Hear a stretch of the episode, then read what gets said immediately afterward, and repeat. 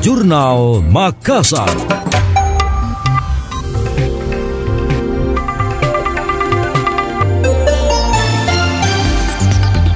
Program Mandiri Benih yang diinisiasi Gubernur Sulawesi Selatan Andi Sudirman Sulaiman membawa berkah bagi petani di Kabupaten Bone.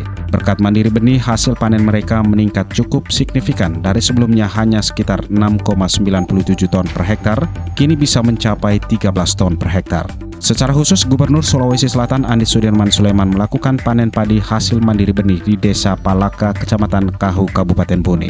Ia mengaku bersyukur karena para petani bisa merasakan langsung manfaat dari program mandiri benih. Diketahui selama tahun 2022, pemerintah Provinsi Sulawesi Selatan melalui Dinas Tanaman Pangan, Hortikultura, dan Perkebunan telah menyalurkan bantuan benih padi gratis kepada petani sebanyak 2.000 ton lebih dengan luas lahan pertanian 100.000 hektar. Karena dinilai berhasil mendongkrak produksi, pemerintah provinsi kembali melanjutkan program tersebut. Program prioritas ini kembali dilanjutkan tahun ini. Sudirman menuturkan pihaknya akan menyalurkan benih gratis dengan jumlah yang sama seperti tahun lalu.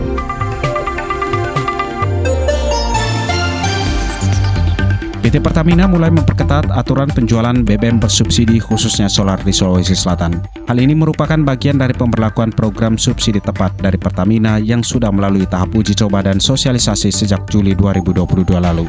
Area Manager Communication Relations and CSR Pertamina Patrandiaga Regional Sulawesi Fahrougi Andriani Sumampu mengatakan mulai 21 Maret 2023 mendatang pembelian solar subsidi di seluruh kabupaten kota di Sulawesi akan terdata dalam sistem melalui QR Code. Dengan demikian, pemilik kendaraan roda 4 wajib mendaftarkan mobil dan platnya dalam program subsidi tepat di aplikasi My Pertamina.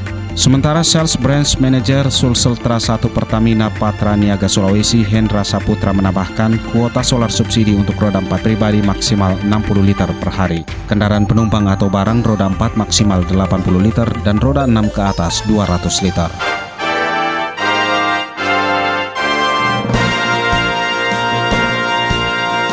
Demikian tadi, Jurnal Makassar.